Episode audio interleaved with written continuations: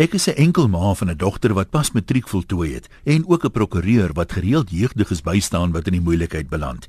Ek ken dus tieners se geite persoonlik en professioneel. Die een ding wat ek keer op keer sien, is dat moeders nooit iets slegs in hulle kinders kan raak sien nie. Ek is ook so. Ek verdedig soms moeilikheidmakers met 'n geskiedenis van gewelddadige optrede, maar altyd sal die ma vertel hoe haar sagge aarde kind niemand kwaad sal aandoen nie. Dis altyd die invloed van slegte vriende of iemand anders se skuld. So was dit ook met die tiener wat kaal gedans het by die Plet Rage. Sy het drome gehad om juffrou Suid-Afrika te word, maar dit het nie by haar opgekom dat haar selde op juffrou Suid-Afrika se CV staan dat sy 'n wet T-shirt kompetisie gewen het nie. Dis nie haar skuld dat sy dronk was nie en is omdat niemand haar gehelp het nie dat haar drome nou verwoes is. Ek is nie seker hoe haar ma dink dit sal help om die storie aan huisgenote te verkoop nie, Vir elkeen wat simpatie met haar het, sal daar nog twee lesers wees wat veroordeel en sê sy het net gekry wat sy gesoek het. Ek skryf nie hierdie briefie om die meisie verder te stenig nie, maar hopelik kan dit vir iemand iewers 'n bietjie perspektief bring. Kom ons begin by die ouers.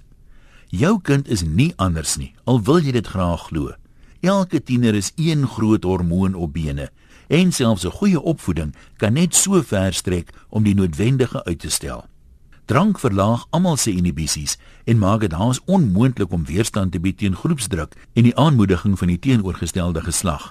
Glo jy regtig die plet rage sou so gewild gewees het as seuns en meisies dit op aparte naweke moes bywoon? Kom nou mammies, dink bietjie terug aan jou eie jong dae. Tensy jy 'n regte kloosterkoek was, is die kans skraal dat jou gedrag elke oomblik van die dag en nag jou ma se goedkeuring sou geniet. Het jy nog nooit in jou lewe eers 'n bietjie te veel gedrink nie? En hoe het jy jou maagdelikheid verloor op jou huweliksnag? My ondervinding is dat almal, behalwe miskien enkele nonne, dankbaar sal wees daar was nie destyds selfone byderhand om video's te maak van hulle onbesonde oomblikke nie. So as jy dan so preuts is soos jy wil voorgee, moenie oordeel nie, want soos jy oordeel, sal jy geoordeel word. daarmee sê ek nie alles wat tieners doen is cool nie.